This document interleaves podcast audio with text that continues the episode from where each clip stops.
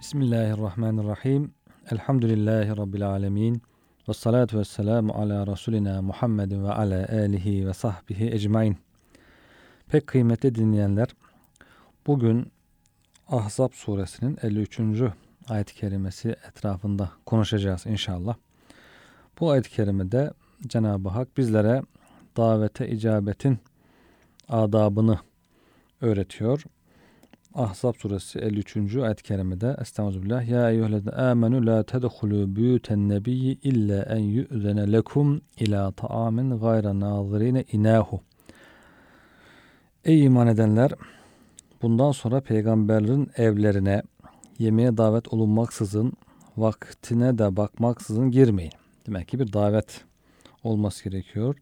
Bir de vakte riayet etmek gerekiyor izinli olması, davetli olması bir de vaktin münasip, müsait olması gerekiyor. Fakat davet olunduğunuz zaman girin buyuruyor Cenab-ı Hak. Yemeği yediğiniz zaman da dağılın. Davete nasıl girilir? Peygamber Efendimizin evine nasıl çıkılır? Tabi buradan bizim diğer din kardeşlerimizin evlerine girip çıkmakla ilgili de buradan biz e, kendimize ders çıkarıyoruz. Yemeği yedikten sonra da dağılın. Fazla da meşgul etmeyin. Fazla da sıkıntı vermeyin. Söz dinlemek veya sohbet etmek için de izinsiz girmeyin. Sadece yemek için değil. ilmi bir e, mevzu için de yine izin almak gerekiyor. Yine e, sıkıntı vermeden adabıyla güzelce vaktinde oradan ayrılmak gerekiyor. Çünkü bu izinsiz girmek veya uzatmak, çok oturmak, peygambere eza vermekte o sizden utanmaktadır. Yani artık kalkıp gidin diyemiyor, e, işim var diyemiyor, utanıyor, haya ediyor. Ancak insanlar da bunu anlamaları lazım. Allah ise hakkı açıklamaktan çekinmez. Allah Teala ise hakkı neyse onu söyler. İnsanlar alınacak diye e, çekinmez. Onun için Cenab-ı Hak bildiriyor ki dikkat edin insanlar daha ince anlayış sahibi olun, düşünceli olun diye. Bir de onun zevcelerinden lüzumlu bir şey istediğiniz vakit perde ardından isteyin. Peygamber Efendimizin hanımlarından, annelerimizden bir şey isteyecekleri zaman ama bu lüzumlu, lüzumsuz şeyler olmaması lazım demek ki. Lüzumlu bir şey olması lazım. Zaruri bir şey olması lazım. Veya bir şey sormak gerekiyor. Bunu diyor perde ardından isteyin veya sorun. Bu hem sizin kalpleriniz hem onların kalpler için daha temizdir. İnsanda nefis var, duygular var, değişik duygular var, düşünceler var. Onlar açısından, onların selameti açısından bir perde arkasından görmeden, istemekte, sormakta daha e, çok fayda var. Bu daha temiz, daha doğru bir harekettir buyuruyor Cenab-ı Hak.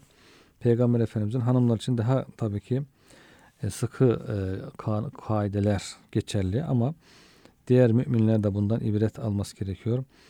Yani peygamberin hanımları o takva evinde bu kadar e, Cenab-ı Hak onların kalpleri için daha temizdir diye onların kalplerinde meyletme ihtimalinden bahsediyorsa diğer insanların, normal insanların kalpleri acaba ne haldedir? İşte biz medeni insanlarız, görgülü insanlarız, öyle yanlış düşüncelere kapılmayız. Medenice e, konuşur, görüşür, oturur, sohbet ederiz gibi böyle insanlar kendilerini aldatabiliyorlar. Halbuki bu ayet-i kerimeye göre baktığımızda kalpler eğrilebilir, yamulabilir, hastalanabilir. Kalplerde hastalık olabilir. Fi kulubihim maradun e, kalplerinde hastalık olan insanlar vardır. Kimin kalbinde hastalık var, kimin yok bilinemez. Bu sebeple burada yabancı kadın ve erkeklerin karışık olması, birbirleriyle rahat bir şekilde görüşüp konuşması, iş hayatında, sosyal normal hayatta bu ayet-i kerimenin ışığında değerlendirilmesi, düşünülmesi gerekiyor. Sizin Allah'ın peygamberine eza vermeniz doğru olmadığı gibi kendinden sonra zevcelerini nikahla almanız da ebedi caiz değildir evinden rahat, ufacık bir rahatsızlık vermek bile Peygamber Efendimiz'e Cenab-ı Hakk'ın istemediği bir şey. Cenab-ı Hak ufacık rahatsızlıklardan bile onu koruyor, müminleri ikaz ediyor, sakındırıyor.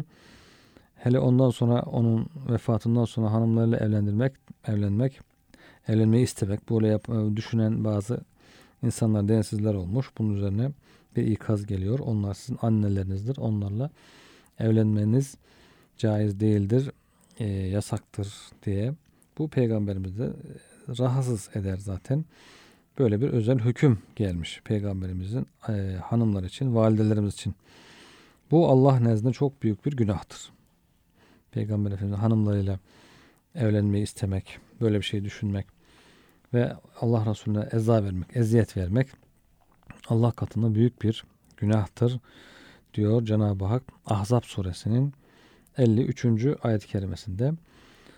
Bu ayette kıymetli dinleyenler Cenab-ı Hak mümin kullarına İslami adab ve terbiye ile terbiyelenmelerini ve onları meşru kıldığı din ve dünya salah, salahatine vesile olacak, ıslahına vesile olacak, güzelliğine, dünyanın güzelliklerine, dünya güzel bir şekilde yaşamalarına vesile olacak tevcihatlara, yönlendirmelere yapışmalarını emrediyor.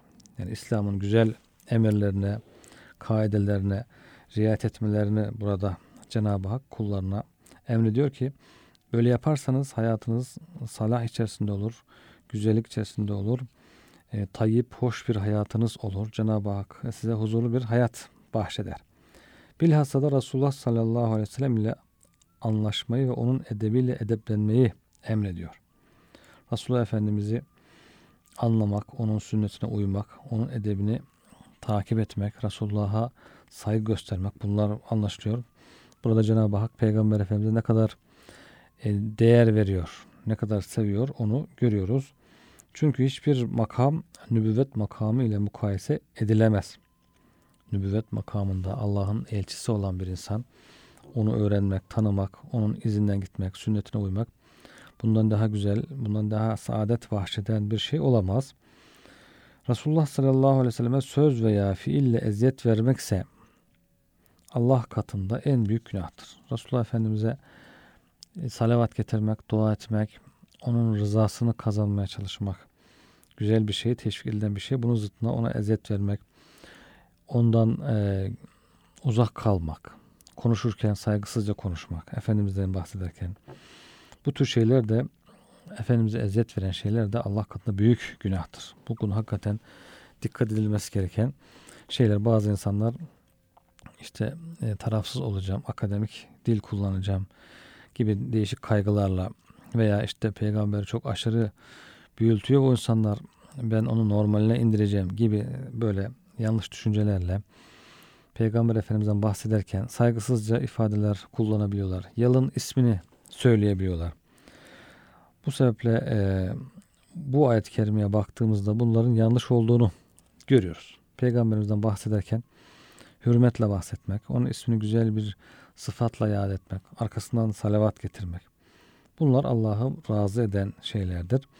Bunun aksine Efendimizin hoşlanmayacağı şeyler de Allah katında büyük bir günah olduğu anlaşılıyor. İnne zâlikum kâne indellâhi azîmâ diyor. Bu Allah katında peygamberimize üzmek, ona sıkıntı vermek, eziyet vermek Allah katında çok büyük bir günahtır.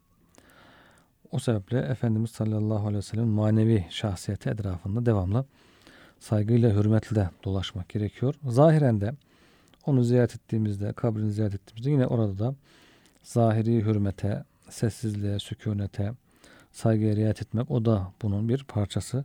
Orada da laubali davranışlar, rahatsız edici davranışlar, gürültülü davranışlar bunlar orada da Cenab-ı Hakk'ın razı olmayacağı, Allah katında büyük günah sayılan şeyler olduğunu düşünmek gerekiyor. Kıymetli dinleyenler Ahzab suresinin 53. ayet-i kerimesinden hareketle Allah Teala İslam'ın davet ettiği faziletli toplumun meydana gelebilmesi için bize en faziletli adabı gösteriyor ve ona uymamızı emrediyor. Bu ayette ve buna benzer diğer ayet-i kerimelerde fertler terbiye edildiğinde toplum terbiye olmuş olacak. Güzel bir toplum meydana gelecek. Bu ayet kıymeti dinleyenler iki büyük emri ihtiva ediyor. İçerisinde iki büyük emir barındırıyor. Bir, Peygamber Efendimizin sallallahu aleyhi ve sellem'in evine girmek ve yemek yeme için izin isteme adabı. Velime, düğün yemeği daha çok. Ayetin nüzul sebebinden bahsedeceğiz. Efendimizin düğün yemeği için insanlar girmişlerdi onun evine. Ee, böyle bir düğün yemeği, velime için eve gidildiğinde veya başka bir davet, normal bir davet için burada izin istemek, orada ne kadar kalınır, nasıl kalınır, zaman onun zamanlaması ilgili bir adaptan bahsediliyor. İkinci olarak kadınlarla karışmamak, ihtilat ve onlarla konuşma adabı. Yani şer'i hicap. Kadınlarla yabancı erkek, yabancı kadınla münasebetleri nasıl olacak? Ne kadar samimi olabilir? Ne kadar yakın olabilir? Bununla ilgili e, emirler bu ayet-i kerimede Ahzab suresi 53. ayet-i kerimede görüyoruz. Allah Teala müminlere icmalen öz olarak şöyle buyuruyor. Ey müminler izin verilmedikçe Resulullah sallallahu aleyhi ve sellem evine girmeyin. Yemek vakitlerini gözeterek o vakitlere girme izni istemeyin. Girdikten sonra da yemek vaktini beklemeyin. Ancak sizi hazırlamış olduğu bir düğün yemeğine çağırırsa böyle kasıtlı demek ki e, izinsiz, vakitsiz gidişler burada yasaklanıyor. Ama Allah Resulü çağırırsa o zaman girin. Yemeği yedikten sonra da çıkarak dağılın. Yemekten sonra oturarak peygambere rahatsızlık vermeyin. Zira onun hayası size çıkın demesine mani oluyor. Artık çıkabilirsiniz diyemiyor. Haya ediyor. Evinde oturmanıza karşı duyduğu rahatsızlığı ihsas ettiremiyor. Çok hayalı bir insan Peygamber Efendimiz sallallahu aleyhi ve sellem. Çünkü o yüksek bir ahlak sahibi, şerefli bir kalbi var. Ondan ancak sizi sevindirecek söz ve fiil meydana gelir. Sizi üzecek, kıracak şeyler çıkmaz. Öyleyse ona ağırlık ve eziyet vermeniz doğru değildir. O zaman insanlar düşünceli olacak, ince düşünceli olacak, hassas olacak, rahatsızlık vermemek için itina gösterecek. Eğer Peygamber sallallahu aleyhi ve sellem zevcelerinden bir şey istemek mecburiyetinde kalırsanız, annelerimizden, validelerimizden perde arkasına isteyin. Çünkü hem sizin hem de onlar için daha temizdir. Böyle yapmanız. Peygamber evine en yaraşanın bu olduğu gibi şüphe ve töhmetten en uzak olan da budur. Resulullah Efendimizin eviyle ilgili en güzel davranış şeklini bulup ona göre hareket etmek gerekiyor. Ey müminler Allah Celle Celaluhu'nun sizi kendisiyle hidayete davet ettiği ve sizi cehaletin karanlıklarından İslam'ın aydınlığına çıkardığı Resulullah sallallahu aleyhi ve selleme eziyet vermeyin. Resulullah Efendimiz bizim için çok önemli. Bizi karanlıklardan aydınlığa çıkarıyor. Zulümattan nura çıkarıyor. Hidayete, dalaletten hidayete çıkarıyor Cenab-ı Hak. Onu Resul olarak gönderiyor, vesile kılıyor. Öyleyse ona bizim bir minnet borcumuz var. Ona bir teşekkür borcumuz var. Böyle bir Resul'e ancak hürmet edilir, saygı gösterilir, ona eziyet verilmez. O sizin babanız gibidir. Babanız mesabesindedir. Hatta daha ileri onun zevceleri de sizin anneleriniz gibidir. Bir müminin annesiyle evlenmesi doğru olur mu? Öyleyse ne hayatında ne de vefatından sonra Resulullah'ın zevceleriyle evlenerek ona eziyet vermeyin. Bu bir hüküm peygamberimizin ailesiyle ilgili özel bir hüküm ve bu tatbik edilmiş tarihte. Müslümanlara Cenab-ı Hak bunu açıkça bildirmiş, ifade etmiş. Yoksa kendilerinin anlayışına bırakmamış. Bazı hususları Cenab-ı Hak müminlerin anlayışına bırakıyor, hissettiriyor, işaret ediyor ama burada açıkça bildiriyor ki burada bir e, belirsizlik olmasın, netlik olsun. Resulullah sallallahu aleyhi ve sellem zevceleriyle evlenerek ona eziyet vermek Allah'ın ebediyen affetmeyeceği büyük günahlardan birisidir. Şimdi bu ayet-i kerimenin Ahzab suresi 53. ayet-i kerimenin nüzul sebebiyle ilgili rivayetlere bakalım. Bu ayet iki büyük emri ihtiva ediyor demiştik. Birisi davet adabı, diğeri örtünmenin meşruiyeti. Yani şer'i oluşu, İslam'ın örtünmeyle ilgili, hicapla ilgili, kadınla erkeğin ayrı olması, aralarında perde olması, birbirleriyle zaruret dışında beraber olmamaları ile ilgili hükümün bu ayette olduğunu görüyoruz. Her ikisinin de ayrı ayrı nüzul sebebi var. Birincisi Enes radıyallahu anh anlatıyor. Enes bin Malik radıyallahu anh. Resulullah sallallahu aleyhi ve sellem evlenmiş ve zifaf yapmıştı.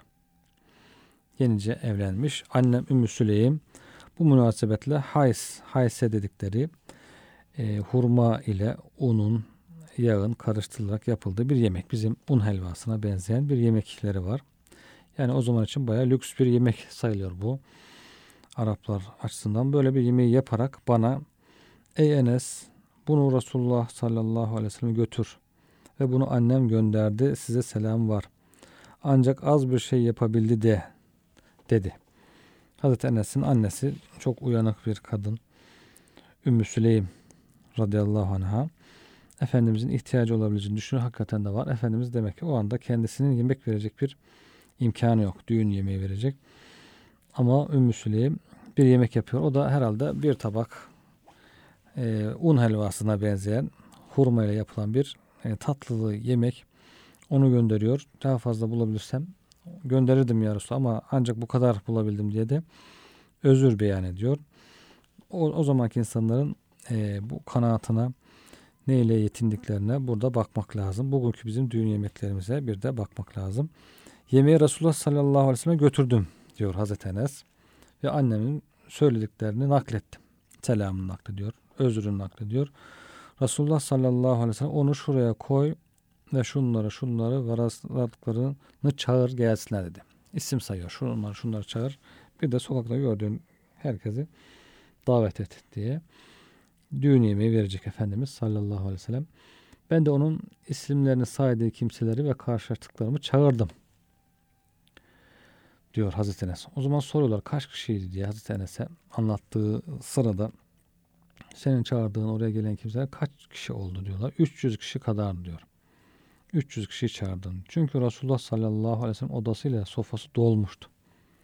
Efendimizin odası, odanın kapısı mescide açılıyor. Suffa, ehli suffe, ashab suffenin olduğu yere. Mescidin içerisi oralar dolmuştu diyor. Resulullah sallallahu aleyhi ve sellem o çömleği getir dedi. O yemek kabını getir. Eve girdiler. Sofa ile oda doldu. Resulullah sallallahu aleyhi ve sellem onar onar oturun ve herkes kendi önünden yesin buyurdular. Onar onar gruplar halinde bir tabak var zaten. Ondan ikram ediyor Efendimiz sallallahu aleyhi ve sellem. Herkes önünden yesin. İçeriye grup grup girerek yemek yediler. Hepsi de doydu. Burada Efendimizin bir mucizesi de görülüyor. Yemeğin bereketlenmesi, içeceklerin bereketlenmesiyle ilgili epey bir e, mucize naklediliyor bize. Bu da onlardan birisi. Yemekten sonra Resulullah sallallahu aleyhi ve sellem Enes şu çömleği, şu tabağı kaldır dedi. Kaldırdım. İçinde hala yemek vardı. Ve getirdiğimden mi daha çoktu yoksa şimdi mi bilmiyorum diyor Hazreti Enes. Bütün 300 kişi yemiş artık herkes doymuş kaldırıyor ama yemek olduğu gibi duruyor mu yoksa biraz daha mı arttı diyor şüphe ediyorum diyor. Gelenlerden bir grup Resulullah sallallahu aleyhi ve sellem evinde kaldı. Bir grup kendi aralarında sohbete dalmışlar. Sohbet ediyorlar. Resulullah Efendimiz oturuyordu. Bekliyor ki çıksınlar hal diliyle. Artık çıksanız diyor söylüyor ama Efendimiz kal diliyle diliyle söylemiyor bunu. Haya ediyor. Zevcesi de yüzünü duvara çevirmiş oturuyordu. E, tek bir oda zaten. E, yeni evlenmiş Efendimiz. Zevcesi de insanlara doğru da dönmüyor yüzünü. Arkasını dönmüş. En azından böyle bir imkansızlık durumunda demek ki e, en azından insan yüzünü çevirmesi kadınların erkeklerden böyle e, beraber arkadaş gibi oturup muhabbet etmemesi buradan e, gerektiği anlaşılıyor. Bunların beklemesi Resulullah sallallahu aleyhi ve sellem ağırlık verdi. Evinde hanımı da orada başka hanımının gidecek yeri yok. Arkasını dönmüş hala düşüncesizce orada insanların oturması e, doğru değil. Yani Cenab-ı Hak bunu açıkça ikaz etmesi bu insanların yaptığı hareketin ne kadar e, yanlış olduğunu, yanlışlığını, büyüklüğünü gösteriyor. Onlar aslında düşünselerdi Resulullah'a rahatsız etmeyelim, çıkalım, dışarıda sohbet edelim diye daha güzel olurdu. Tabii ki bunlar hepsi bir vesile olacak. Bir ayetin nüzulüne sebep olacak. Bir hükmün gelmesine sebep olacak. Bunlar da Allah'ın takdiri. Bunların beklemesi Efendimiz'e e, ağırlık verdi. Bunun üzerine çıktı. Efendimiz çıkıyor odasından. Acaba ben çıkınca onlar da çıkar mı diye. Diğer ailelerine selam verip geri dön. Diğer odalara selam veriyor Efendimiz. Onlar hala dalmışlar. Demek derin bir konuya daldılar. Oturanlar Resulullah sallallahu aleyhi ve sellem ağırlık verdiklerini anlayarak çıkıp gittiler. Baktılar ya Efendimiz çıktı. O zaman diyorlar biz yeni daha uyandık. Hemen çıkıyorlar. Odadan uzaklaşıyorlar. Resulullah sallallahu aleyhi ve sellem odaya girdi ve ara yerdeki perdeleri çekti. Kapıyı, perdeyi çekti. Ee, çok geçmeden ben de diyor hücrede oturuyordum. Odadan çok geçmeden çıktı. Sonra ey iman edenler peygamberin evlerine izinsiz girmeyin diye bu ayet-i kerimeyi okudu diyor Hazreti Enes. Hazreti Enes de Efendimizle beraber girmek isterken bu ayet-i kerime nazil olduğu için Efendimiz perdeyi çekiveriyor Hazreti Enes önüne. Çünkü artık Hazreti Enes'in de validemizle aynı odada olması, onu rahat bir şekilde görmesi yasaklanmış oluyor. Perde emri gelmiş oluyor. Bunun üzerine Efendimiz bu ayet-i kerimeyi okuyor ki bu ayet geldi onun için ben bu perdeyi çektim diye. Demek ki bundan önce Hazreti Enes rahatça girip çıkıyormuş peygamberimizin hanımlarının yanına tabi Efendimizle beraber çocuk olması, çocuk yaşta olmasına rağmen ama bu ayet-i kerimenin nazil olmasıyla birlikte artık o da onun da arasına perde çekilmiş oluyor. Burada aslında e, normal her zaman yaşanacak bir olay insanın başına geliyor. İşte bazı insanlar düşüncesi olabiliyor. Evine, iş yerine gelip uzun süre oturabiliyor. Kalkmasını istediğin halde kalkmıyor. Sıkıntı verebiliyor. Bu e, her zaman için günlük başımıza gelen olaylar. Böyle bir olay peygamberimizin de başına gelmiş. Ama bunun için ayet-i kerime inmiş. Kesin talimatlar gelmiş. ikaz gelmiş. Uyarı gelmiş Müslümanlar için. Bu bize Peygamber Efendimizin Allah katındaki değerini gösteriyor. Cenab-ı Hak Peygamber Efendimiz'e ne kadar önem veriyor, değer veriyor. Onun rahatsız olmasını istemiyor. Müminleri ikaz ediyor. Peygamber Efendimiz'e karşı saygılı, düşünceli davranın, hareket edin diye. Bu yönüyle de ayet-i kerime üzerinde düşünmek gerekiyor kıymetli dinleyenler. İkinci nüzul sebebi onda Ömer bin Hattab radıyallahu anh anlatıyor. Resulullah sallallahu aleyhi ve selleme ya Resulullah evinize iyi adamlar da kötü adamlar da geliyor. Müminlerin annelerini emretseniz de perde arkasına çekinseler, çekilseler diye teklif ediyor Hazreti Ömer. Bu daha hayırlı olur diyor. Peygamber Efendimiz de henüz böyle bir emir gelmediği için ses çıkarmıyor. Bir müddet sonra bu ayet-i kerim bir de onun zevcelerinden lüzumlu bir şey istediğiniz vakit perde arkasından isteyin ayeti nazil oluyor. Bu ayet-i kerime Hazreti Ömer'in de işaret ettiği konuya açıklık getirmiş oluyor. Bu ayet-i kerime Hazreti Ömer'in görüşlerine muvafık olarak nazil olan ayetlerden birisi. Hazreti Ömer'in böyle bir özelliği var. Muvafakatı Ömer deniyor buna. Hazreti Ömer diyor ki ben diyor Rabbime üç hususta muvaffakat ettim. Uygun düştüm. Hazreti Ömer bir şey düşünüyor. Onun o düşüncesini tasdik eden aynı e, minvalde bir ayet-i kerime geliyor. İşte bunlardan birisi de bu ayet-i kerime. Hazreti Ömer öyle diyor. Ben diyor üç hususta Rabbime muvaffakat ettim. Uygun düştüm. Edebinden ayet bana uygun geldi demiyor. Normalde öyle denilmesi lazım. Üç konuda ayet bana uygun geldi.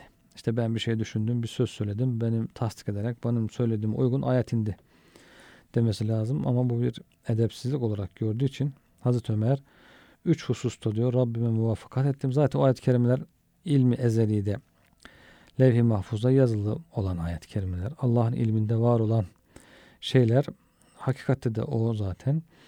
Hazreti Ömer onlara uygun bir sözü söylemiş oluyor. Nüzulünden önce söylemiş oluyor. Varlığından önce değil de nüzulünden önce düşünmüş veya söylemiş oluyor. Ona uygun da ayet-i kerime daha sonra geliyor. İşte bunlardan birisinde diyor ben ya Resulullah İbrahim makamın namaz kılınacak yer edinsek dedim diyor. Makam İbrahim Kabe'nin yanında burayı namaz kılma yeri yapsak burası İbrahim Aleyhisselam'ın güzel bir hatırası diye. Bunun üzerine diyoruz siz de İbrahim makamından bir namazgah edinin. Vettekizu min makami İbrahim'e musalla. Bakara suresi 125. ayet-i kerime nazil oldu diyor. Birincisi bu. Benim uygun düştüğüm konular.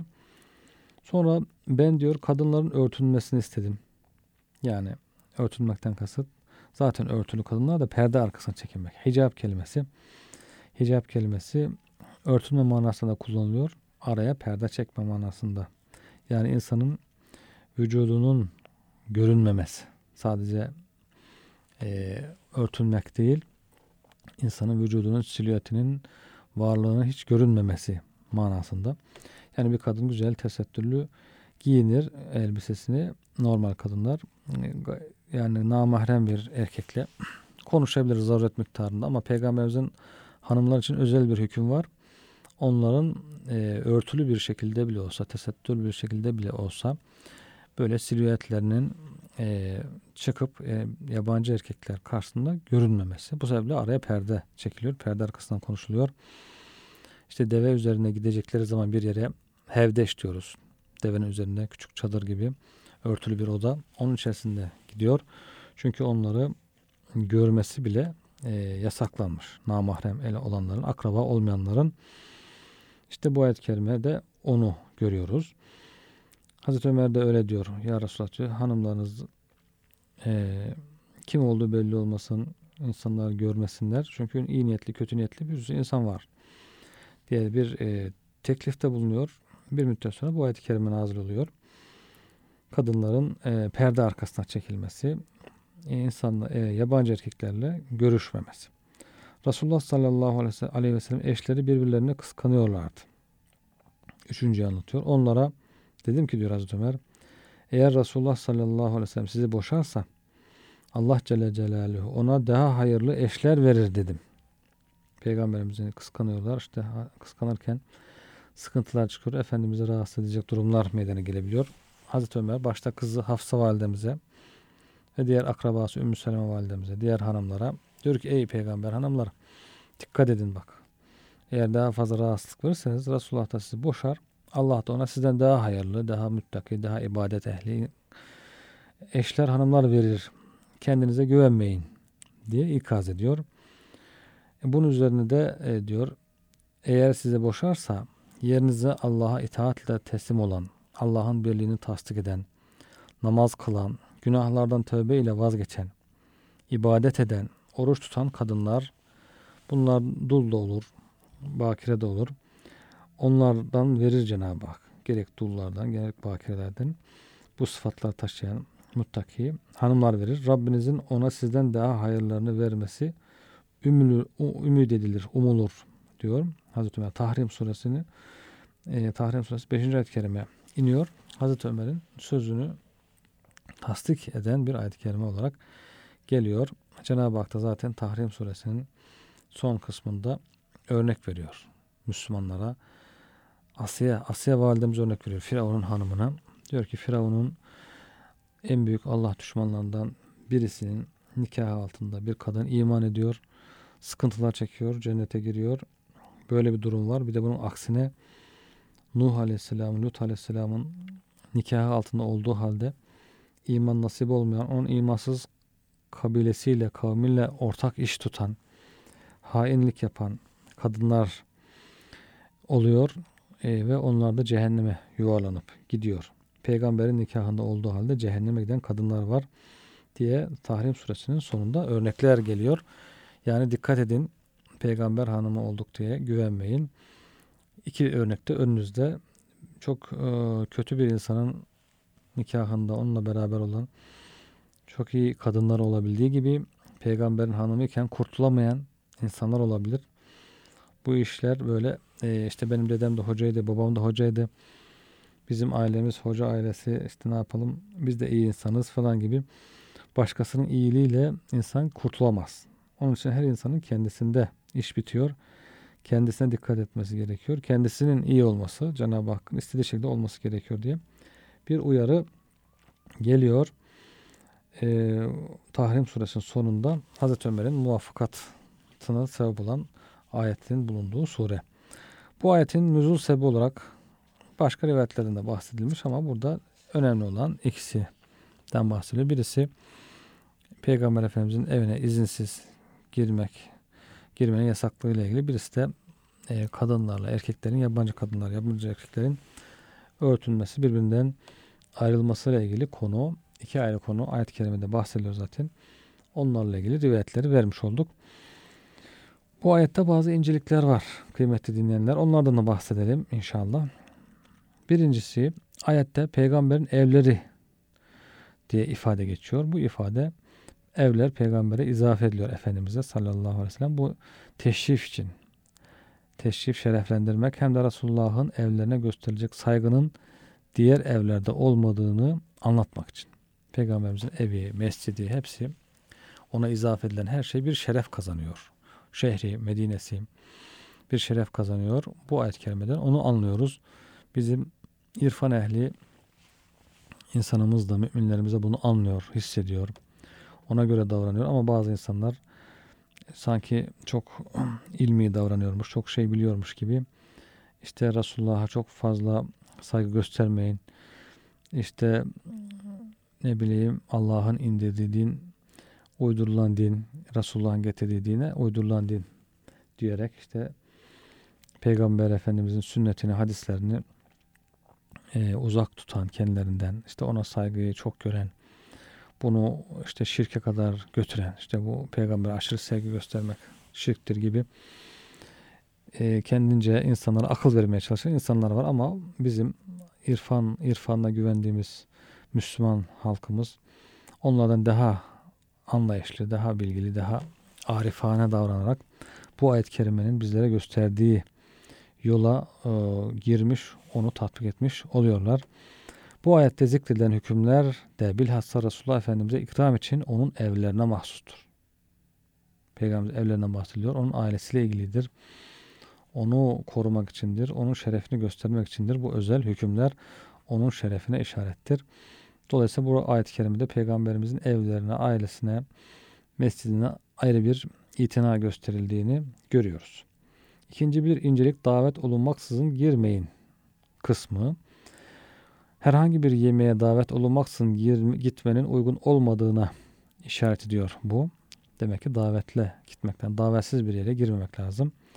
Ancak sarih bir izin olursa gidilmelidir. Bir izin. Bunu bu ayetten sonraki davet olunduğu zaman girin. Ayeti de göstermektir.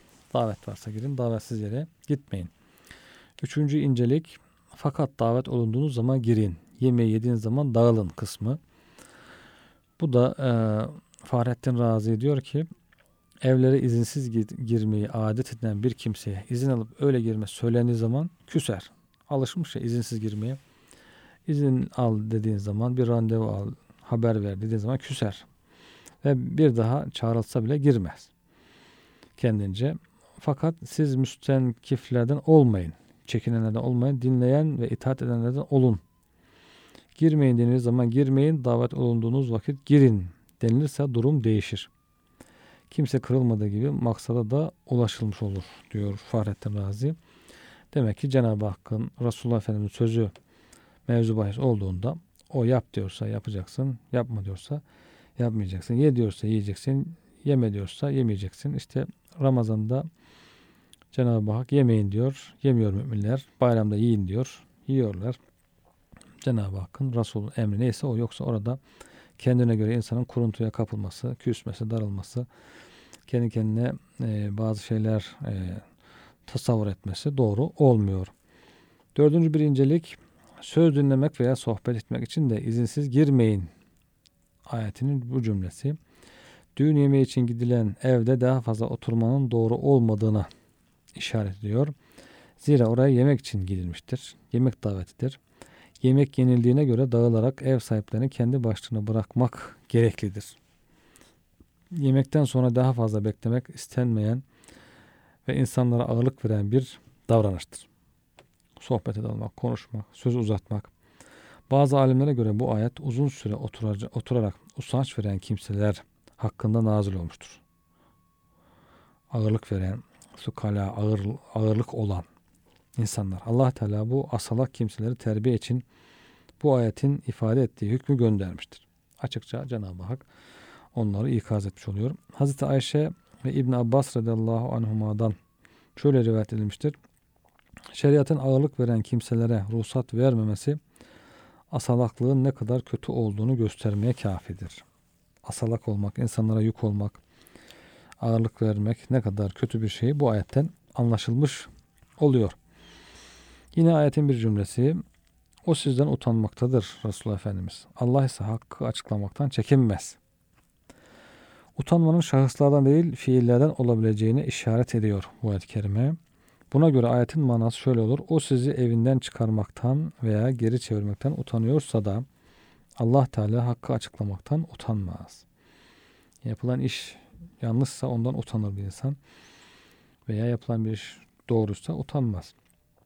Burada da e, e, Peygamber Efendimiz insana çıkın gidin demeyi bir sanki onları kovmak gibi düşündüğü için bu fiilden utanıyor. Bunu yapamıyor. Allah Teala ise hakkı açıklıyor. Açıkça izah ediyor. Altıncı incelik bu hem sizin kalpleriniz hem de onların kalpleri için daha temizdir cümlesi. Burası göz ile kalp arasında bir bağlantı olduğunu gösteriyor. Göz bir şeyleri gördükçe kalp o görülen, görülen şeylere göre farklı duygular kazanmaya, değişmeye başlıyor. Onun için göz kalp için çok önemli bir uzuv organdır. Gözü korumak onun için önemlidir. Onun için Cenab-ı Hak gözünü müminlere söyle gözlerini indirsinler, korusunlar buyuruyor. Gözünü aya, ayak ucuna indir ve e, iffetini koru diye. Göz önemli bir şey oldu. Bu da anlaşılıyor. Göz arzuların yolu, bakış da şehvetin elçisidir. Gözle yeni arzular oluşur bakışla. Bakışla insan şehveti kabarır, artar. Onun için göz terbiyesi, bakış terbiyesi de İslam'da önemli. Göz görmedikçe kalp istemez. Öyleyse göz görmediği zaman kalp daha temiz olur, fitne ortaya çıkmaz. Bu sebeple işte görmekle ilgili, tesettürle ilgili hükümleri İslam'ın bu sebeple ortaya çıkıyor. İnsanın gözü e, gözünden engellendiğinde, kapatıldığında pek çok problemde engellenmiş oluyor. Bu sebeple kadınla erkek arasında perde çekiliyor, haremlik, selamlık oluyor, tesettür oluyor, kıyafet giyiliyor, elbise giyiliyor. İnsanlar tabi bunu unuttukları zaman e, artık kıyafetin öneminde, perdenin öneminde, haremlik, selamların öneminde kaybediyor. Bunu artık e, küçümsemeye başlıyor. Lüzumsuz görmeye başlıyor. Bunun peşinden de sıkıntılar, problemler peşi sıra geliyor. Diğer bir incelikten daha bahsedelim, bitirelim inşallah kıymetli dinleyenler. Yedinci incelik. Bu Allah nezdinde çok büyük bir günahtır diyor ayet-i kerime. Ayetindeki bundan, bundan maksat nedir bu? Resulullah sallallahu aleyhi ve sellem eziyet vermek ve ondan sonra zevcelerini nikahlamaktır. Resulullah Efendimiz'e eziyet vermek, e, bugün için artık onun zevcelerini nikahlamak diye bir şey söz konusu değil. O halde ona eziyet vermek Allah katında büyük bir günahtır bugün bizim için, Müslümanlar için. Buna dikkat etmek gerekiyor. Ebu Suud Efendi, büyük müfessirlerimizden, Osmanlı müfessirlerinden, Kanuni'nin Şeyhülislam'ı diyor ki bu zalikum kelimesindeki uzaklık manası Resulullah sallallahu aleyhi ve sellemin Allah katında şer ve kötülükten uzak olduğunu göstermektedir. Bir dil inceliği var burada. Her kelimenin, her harfin bir e, taşıdığı mana var, verdiği bir mana var. Zelikümden de bu manaya çıkarıyor ki Allah Resulü şerden, kötülükten ne kadar uzaktır. Allah onu korur. Kendisi zaten uzak durur. Dolayısıyla siz de ona zarar vermek isterseniz veremezsiniz zaten. Kendiniz zarar edersiniz. Ayrıca bu ayet Resulullah sallallahu aleyhi ve sellem şanının yüceliğini göstermektedir. Ne kadar şanı yüce Allah katında.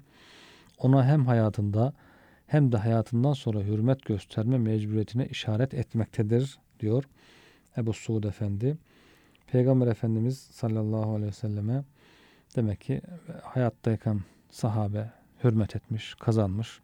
Hürmet etmeyen münafıklar, kafirler kaybetmişler. Kaba insanlar, bedeviler kaybetmiş.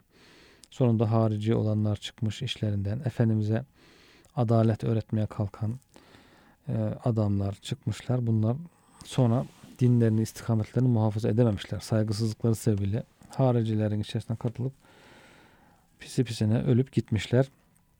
Hayattayken öyle. Bugün de Efendimizin vefatından sonra da ona saygı göstermemiz gerektiği bu Ahzab suresi 53. ayetten de başka ayetlerle birlikte tabii ki bu ayetten de anlaşılıyor.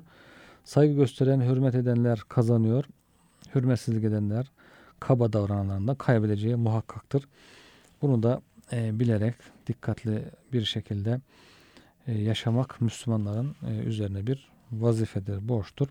Kıymetli dinleyenler, e, Cenab-ı Hak bu ayet-i kerimenin e, bizlere öğrettiği hükümlerden hisseler almayı, nasiplenmeyi, onları tatbik etmeyi, istifade etmeyi, faydalanmayı nasip etsin inşallah. Peygamberimize saygılı, hürmetli olmayı, birbirimize karşı, Müslüman kardeşlerimize karşı saygılı, hürmetli e, olmayı, ince düşünceli, anlayışlı olmayı nasip etsin inşallah.